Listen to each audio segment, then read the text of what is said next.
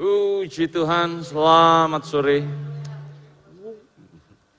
Sore Bapak Ibu, um, kita berkumpul kembali di tempat ini untuk memuji, menyembah Tuhan. Saya percaya Anda semua berharap, mengharapkan bahwa Allah juga kemudian memberkati Anda, menolong Anda, menyertai Anda. Dan pada sore hari ini Um, semua berkat dari Allah itu menjadi bagian kita, ada di tangan kita, dan kita tinggal menikmati saja. Seperti bangsa Israel, ketika mereka keluar dari Mesir, Allah menyediakan segala sesuatu yang mereka perlukan di padang gurun. Allah sediakan. Ya, jadi dia tidak pernah membiarkan Anda sendirian, dia tidak pernah tidak menyediakan untuk Bapak Ibu Saudara sekalian. Katakan ke sebelah kiri kanan Bapak Ibu Saudara, Allah adalah Allah yang menyediakan. Amin. Dia menyediakan yang kita perlukan. Dia menyediakan setiap keperluan kita. Hari ini Bapak Ibu Saudara, kita akan belajar lebih lagi mengenai firman Tuhan dan saya percaya mungkin Anda um, sudah sering mendengar mengenai hal ini. Bapak Ibu Saudara bisa akses itu di web blog yang ada di uh, hadapan Bapak Ibu Saudara yang tertulis di uh, LED wall sehingga saudara bisa tahu ayat-ayatnya, saudara juga bisa tahu penjelasannya sehingga dengan mudah Bapak Ibu Saudara bisa mengikuti dan kalau perlu mengulang lagi. Tahukah Anda kalau di um, zaman mungkin sampai sekarang ya, mereka tetap terapkan ini di eh, budaya Yahudi bahwa untuk mengajar anak-anak mereka mereka mem, me, mengajarkan firman Tuhan, Taurat Tuhan itu itu terus-menerus. Jadi ketika mereka mengajarkan, mereka minta kemudian anak-anak mereka itu mengulangi. Nah, ini juga yang kemarin juga disampaikan oleh Dr. Stephen Sos ketika saya menerjemahkan beliau dalam seminar kepemimpinan rohani yang cukup panjang di uh, Sekolah Alkitab Batu. Ya, kalau Bapak Ibu Saudara punya waktu untuk akses YouTube channel Sekolah Alkitab Batu, itu ada 17 sesi yang semua ditayangkan di YouTube. Ada juga pertanyaan, ada sesi tanya jawab kalau Anda mau uh, melihatnya, silakan saja ke uh, YouTube channel Sekolah Alkitab Batu. Saya masih menempuh pendidikan di sana sampai uh, tahun depan. Semoga semua berjalan dengan baik. Saya percaya Allah turut bekerja menciptakan segala sesuatunya untuk kebaikan kita. Dan malam hari ini, sore hari ini, itu yang akan kita bahas. Allah turut bekerja. Sesuatu yang Anda sering dengar bahwa dalam segala hal, Allah itu selalu terlibat di dalam kehidupan kita. Dia menjadikan segala sesuatu pada awalnya, tetapi kemudian dia tidak berhenti. Allah tidak kemudian jadi pengangguran, ngeliatin gitu. Kebayang ya saudara ya, ada orang-orang yang berpikir Allah itu menciptakan begitu kan, manusia, semua ciptaan, Kemudian dia taruh, dia lihat. Mana sih? Gimana sih? Enggak seperti itu. Allah adalah Allah yang turut bekerja. Setelah dia mencipta, dia ikut bekerja di dalamnya. Kalau Yusuf pernah berkata bahwa kamu merancangkan apa yang jahat, tapi Allah merancangkan itu untuk kebaikan. Jadi dia turut bekerja. Allah kita adalah Allah yang hands on. Dia turut bekerja di dalam kehidupan kita. Anda pasti sangat familiar dengan ayat ini. Roma 8 ayat yang 20, ayat yang ke-28. Kalau tidak keberatan kita baca bersama ya. Roma 8 ayat yang ke-28. Dah, dapat? Anda juga bisa lihat ke depan. Sudah dapat? Dapat. Ya. Soalnya nggak lihat ke Alkitab. Dapat ada di depan. Nggak apa-apa. Ya, kalau saudara nggak bawa Alkitab, boleh baca di depan. Satu, dua, tiga. Kita tahu sekarang bahwa Allah turut bekerja dalam segala sesuatu untuk mendatangkan kebaikan bagi mereka yang mengasihi Dia, yaitu bagi mereka yang terpanggil sesuai dengan rencana Allah. Amin.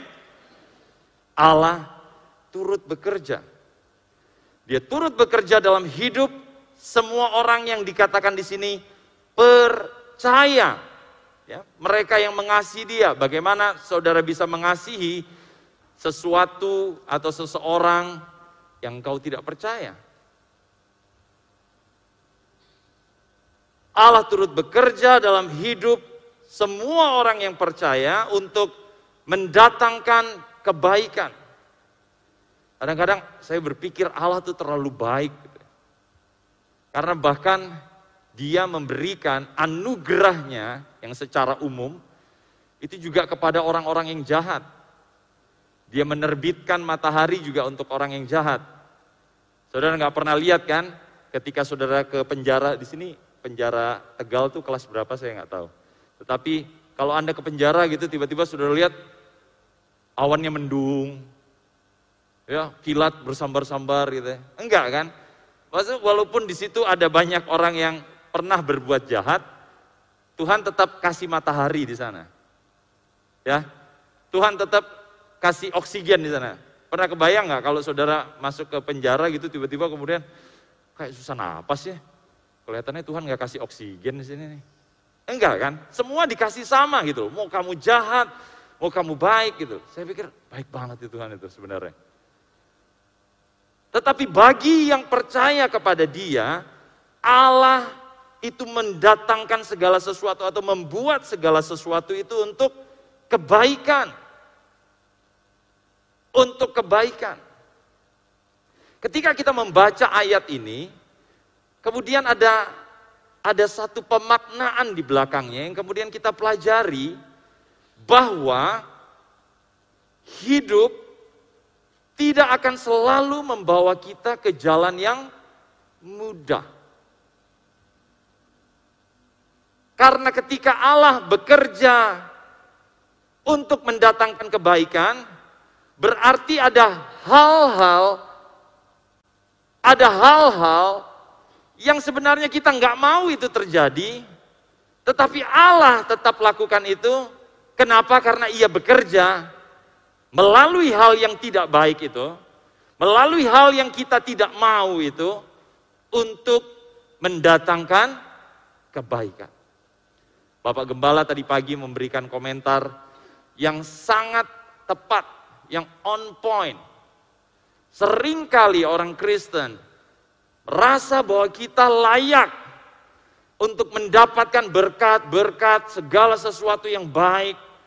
Tetapi tahukah Bapak Ibu Saudara bahwa Anda juga dipanggil untuk menderita? Untuk juga merasakan hal-hal yang tidak baik. Anda tahu itu? Tanya ke sebelah kiri kanannya, tahu nggak? Tahu nggak? Tahu nggak?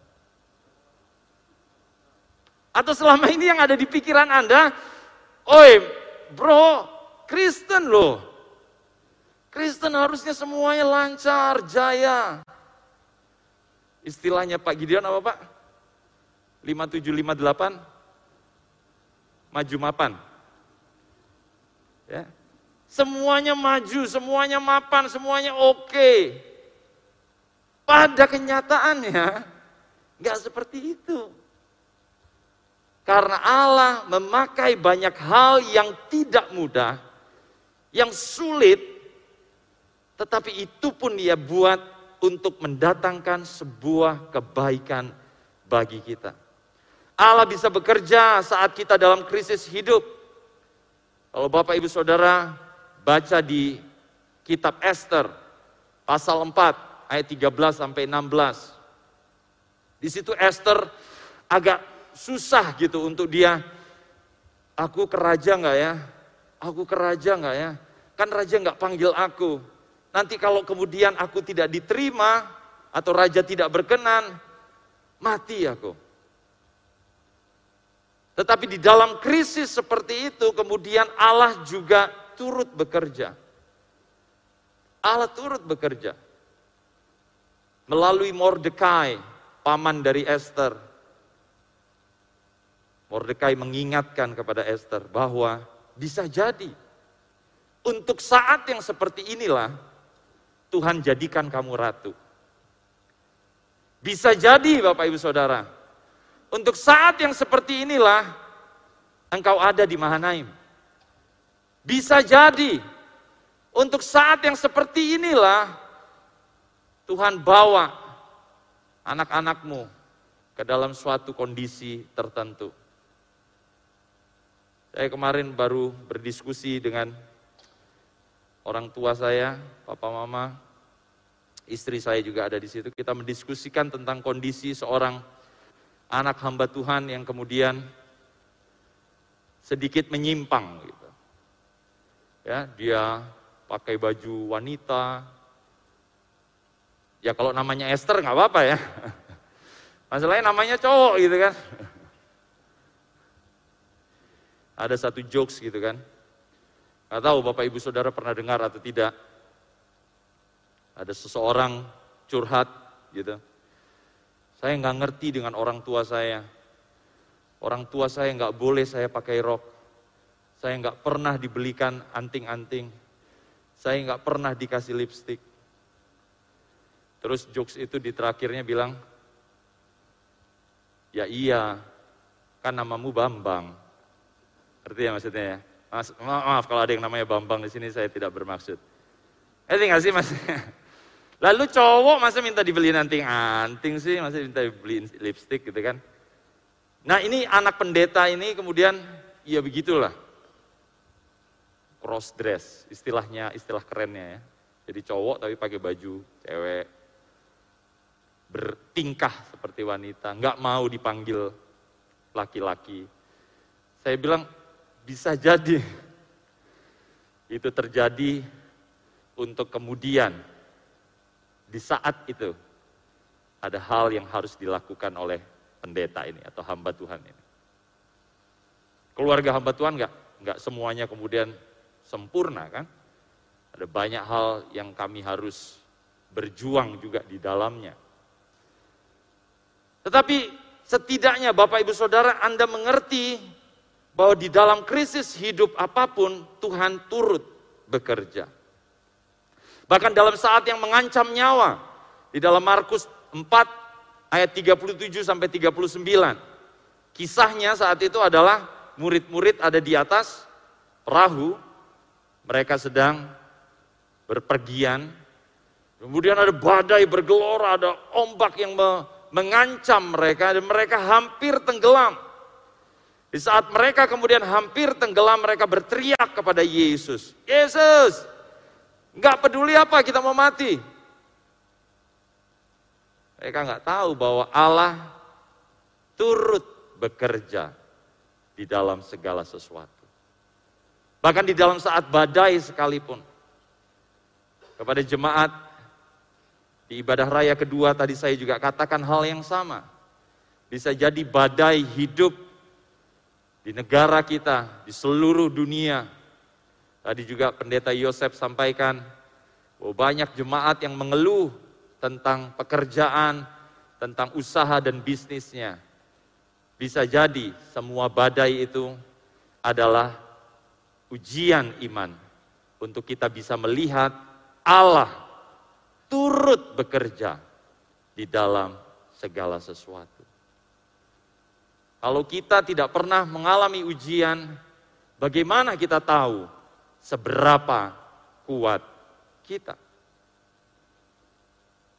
Kalau kita tidak pernah mengalami badai, bagaimana kita tahu bahwa kita adalah orang yang berkemenangan? Jadi ketika badai terjadi, di situlah kemudian Allah bekerja untuk melatih untuk membina, untuk mendidik kita. Termasuk murid-murid di Markus 4 ayat 37 sampai 39. Mana sih? Kamu kan selama ini jalan sama saya. Kamu kan selama ini lihat mujizat yang aku lakukan. Yesus berkata. Tapi kok bisa kamu tidak beriman? Kok bisa kamu nggak percaya kepadaku? Gimana sih Bapak Ibu Saudara? Anda kan sudah di Mahanaim sekian tahun dengar firman sekian banyak, kok bisa masih nggak percaya? Masih bisa kan? Bisa banget. Susah karena untuk untuk kemudian kita percaya kepada sesuatu di saat yang sulit. Tuhan kau ada nggak? Itu biasanya keluar ketika saat-saat sulit menimpa kita. Kondisi yang sulit, penderitaan, penganiayaan sebenarnya adalah salah satu karakteristik seorang pengikut Yesus yang sejati. Jadi tadi saya katakan kita dipanggil itu sering kali kita nggak sadar bahwa kita dipanggil juga untuk menderita bersama dengan Yesus. Bukan saja untuk bersenang-senang, menikmati segala sesuatu yang baik, tetapi ada juga penderitaan. Yesus sendiri di Filipi 2 ayat yang ke-6, ayat yang ke-6, dia tidak menganggap keserupaan dengan Allah. Dia Allah sendiri sebagai milik yang harus dipertahankan. Ia kosongkan dirinya dan kemudian ia jadi manusia. Ia menderita. Untuk apa? Untuk mendatangkan kebaikan. Ini yang banyak orang nggak nggak ngerti. Saya dulu pernah um, sekolah di Sydney, di Australia. Dan kalau saudara sekolah di Australia, saudara boleh kerja 20 jam per minggu. 20 jam kerja per minggu. Nggak boleh lebih. Tapi banyak yang namanya juga orang Indonesia kan. Kayak begituan pasti diakalin. Jadi teman-teman saya beberapa mereka cari kuliah yang paling murah di Australia. Kemudian mereka kerja 40 jam seminggu. 20 jam yang ada eh, pajaknya, 20 jam yang kontan. Jadi habis kerja langsung dibayar tunai. Jadi akhirnya mereka di sana statusnya mahasiswa, tapi benernya lagi cari duit buat dikumpulin jadi modal buka warung di Indonesia. Gitu. Buka usaha di Indonesia. Ada yang mau? Ada yang mau coba? Siapa tahu ada yang mau coba. Tapi waktu itu saya beneran lagi sekolah. Lagi sekolah tapi kemudian e, ambil waktu untuk mencoba bekerja. Nah saya kerja di salah satu tempat pergudangan gitu ya. Jadi ambil barang, masukin. Nah sekarang itu e, yang kemarin 11-11, nah itu salah satunya e, contohnya seperti itu ya. Tapi namanya bukan bukan itu. Perusahaannya perusahaan Australia. Yang kerja di dalamnya banyak orang Asia tapi. Nah karena tempatnya itu agak jauh dari kota, jadi saya kalau mau dari tempat saya tinggal sampai ke tempat saya bekerja, saya harus habis satu setengah sampai dua jam. Naik bus, naik kereta, gitu, untuk sampai ke sana. Nah di dalam perjalanan kadang-kadang ada orang Indonesia yang juga um, bareng-bareng, kita jadi ngobrol. Satu teman saya ini, dia orang yang tidak percaya kepada Tuhan. Jadi suatu ketika, ketika hari Paskah kalau saya nggak salah. Kemudian dia bilang, Jeff, lu Kristen ya? Iya, Kristen. Rayain Paskah dong? Iya, ngerayain Paskah. Hebat ya. Orang mati kok disembah. Orang ajar orang. Ya, kalau nggak ada hukum di situ saya ketok kepalanya itu. Saya diam aja. Oh, Hebat ya tuh orangnya. Udah mati, bangkit lagi. Waduh, saya, saya udah mau emosi aja nih orang. Ya, tapi kan daripada bikin masalah lebih baik diam. Betul? Ya, jadi Bapak Ibu Saudara yang Anda terpancing di sosial media, lebih baik jempol Anda diam aja deh. Ya, jemaat-jemaat Tuhan. Amin. Ya, kalau Anda terpancing janganlah, jangan posting aneh-aneh, jangan komentar aneh-aneh. Ya, Anda malah bikin malu kekristenan, bukan bukan malah membantu. Udahlah biarkan mereka menggonggong. Ya, jadi sering kali orang salah berpikir mengenai bahwa apa sih ngapain sih Yesus, ngapain sih Tuhanmu menderita? Mereka nggak ngerti bahwa dalam segala sesuatu Allah turut bekerja untuk mendatangkan kebaikan. Kalau Yesus nggak mati bagi kita, Bapak Ibu Saudara, kita nggak ada di sini. Kita nggak akan dapat bagian dalam keselamatan. Tadi pagi ada 30 orang yang memberi diri untuk dibaptis. Kalau Yesus nggak menderita, nggak akan ada kebaikan yang dapat kita terima, yaitu jaminan hidup yang kekal. Jadi penderitaan Yesus itu kemudian menjadi karakteristik kita. Bahwa kalau kita menderita, itu Allah yang sedang bekerja untuk mendatangkan kebaikan. Orang-orang Kristen tidak menganggap hidup ini sebagai milik yang harus dipertahankan, melainkan menjadikan segalanya untuk Tuhan, baik hidup maupun mati.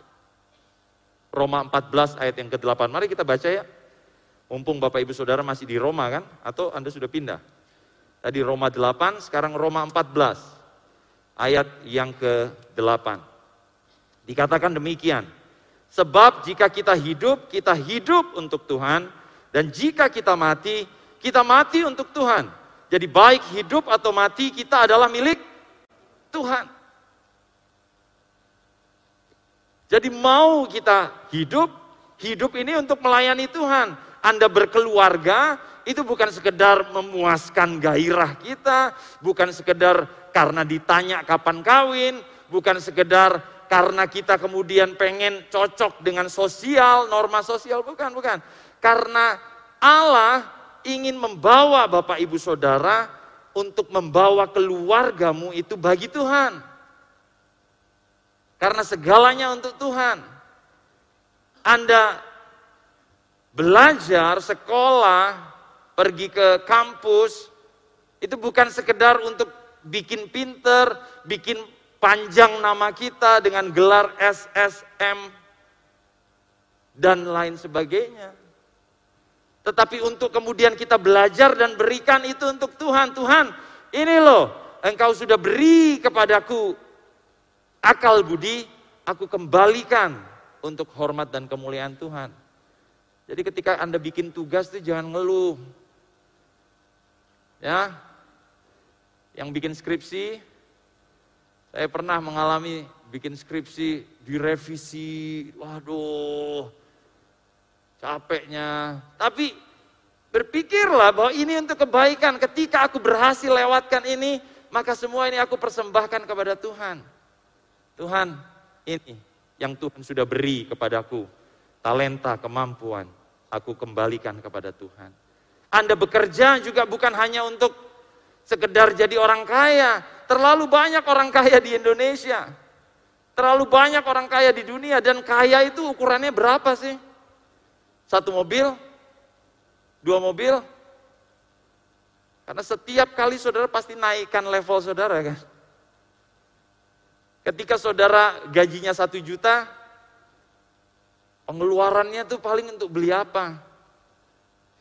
Tapi ketika gajimu 10 juta, tiba-tiba Kok kayak masih kurang ya? Masih nggak kebeli nih. Gadget ini masih nggak kebeli. Baju ini masih nggak kebeli. Padahal pas lagi satu juta bisa-bisa aja tuh. Kebayang ya?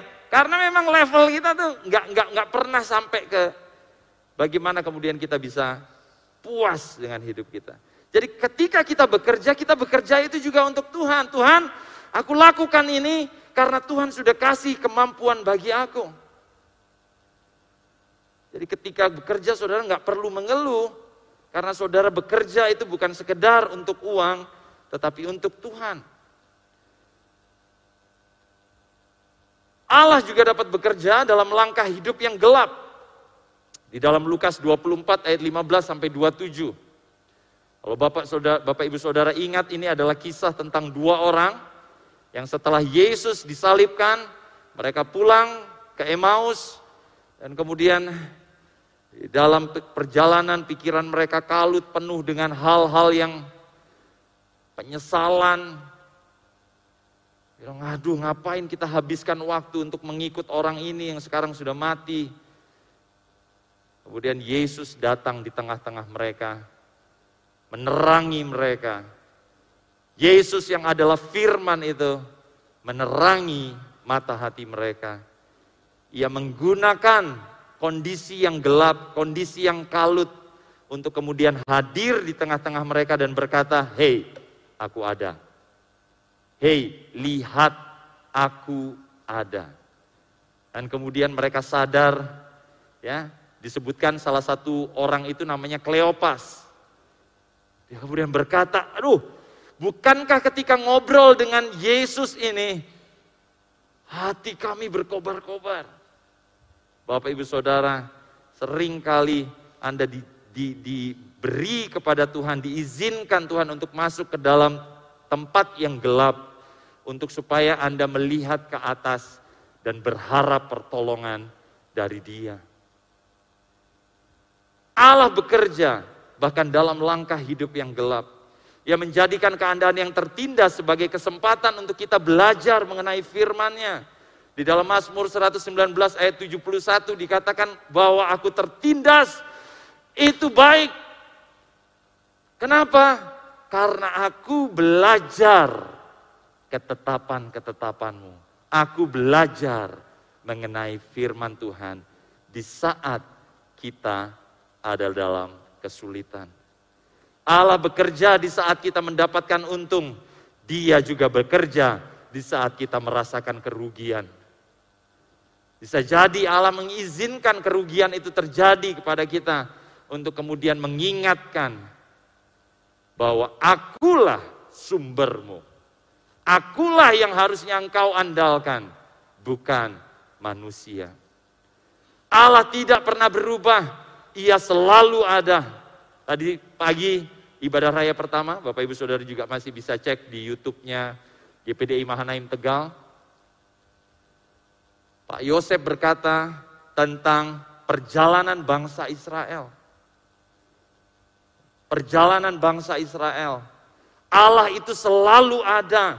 Dia menjadi tiang awan. Dia menudungi Israel di waktu siang. Tetapi di malam hari dia jadi tiang api. Dia menghangatkan, dia menerangi jalan orang Israel. Allah Israel adalah Allah yang sama dengan Allah kita. Ia akan menerangi langkah kita bahkan di saat yang sulit. 2023 orang bisa berkata ini adalah tahun yang gelap, tetapi kita percaya tiang api kita, Allah kita berjalan bersama kita. Tidak ada yang gelap, tidak ada yang tidak bisa aku lewati karena Dia yang berjalan bersama aku. Allah turut bekerja, bahkan di langkah-langkah yang gelap. Hanya karena kita tidak melihat hasil yang sesuai dengan ekspektasi kita, dengan harapan kita. Bukan berarti kemudian Allah tidak bekerja. Ia ada, ia tetap bekerja sampai sekarang di dalam hidup kita. Yohanes 5 ayat 17 berkata, Yesus berkata, Bapakku bekerja sampai sekarang dan aku juga bekerja. Seperti yang saya sampaikan tadi, Tuhan tidak menciptakan kita kemudian dia nontonin kita. Siapa nih yang mati duluan? Siapa nih yang hancur duluan? No, no, no. Dia bekerja untuk mendatangkan kebaikan di hidupmu. Kalau Anda merasa sendirian, kalau Anda merasa bahwa tidak ada yang bisa mengerti engkau, ingatlah bahwa Allah tetap bekerja sampai sekarang di hidup kita. Ada satu lagu yang memberkati saya akhir-akhir ini. Saya undang rekan-rekan pemusik maju ke depan. Judulnya Engkau Turut Bekerja. Liriknya menarik sekali. Karena di dalamnya kemudian ada tertulis mengenai janji Allah. Kita buka ini ya. Mazmur 119. Bapak Ibu Saudara coba ke 119 ayat yang ke 140. 119 Mazmur ayat yang 140. Dikatakan demikian, janjimu sangat teruji dan hambamu mencintainya. Janji Tuhan itu sangat teruji. Firman ini isinya janji Tuhan. Dan ini teruji. Lewati waktu. Ribuan tahun Bapak Ibu Saudara. Firman ini tetap bahwa Allah turut bekerja di dalam hidup kita. Seperti matahari yang selalu terbit Kadang kita nggak bisa lihat karena ada awan yang menutupinya. Tetapi matahari itu tetap ada di sana. Salah satu bagian lirik dari lagu ini berkata, sepasti mentari bersinar. Demikianlah janjimu. Dalam segala perkara, engkau turut bekerja. Ia ada, ia bekerja, ia tidak tertidur. Nantikanlah sinar wajahnya menyentuh hidup kita. Saya ingin membacakan ini untuk Bapak Ibu Saudara. Maukah Anda menutup matamu dan kemudian terima firman ini? Saudara bisa catat ini nanti. Tetapi saya mau Anda semua tutup mata dan terima berkat Tuhan ini. Di saat hal-hal yang sulit terjadi di dalam hidupmu, terimalah ini. Katakan amin di dalam setiap hal yang Tuhan katakan kepadamu. Bilangan 6 ayat 24 sampai 26. Jemaat Tuhan, Tuhan memberkati engkau dan melindungi engkau. Tuhan menyinari engkau dengan wajahnya dan memberi engkau kasih karunia. Tuhan menghadapkan wajahnya kepadamu dan memberi engkau damai sejahtera. Terima ini, tahu bahwa Tuhan turut bekerja di dalam segala sesuatu.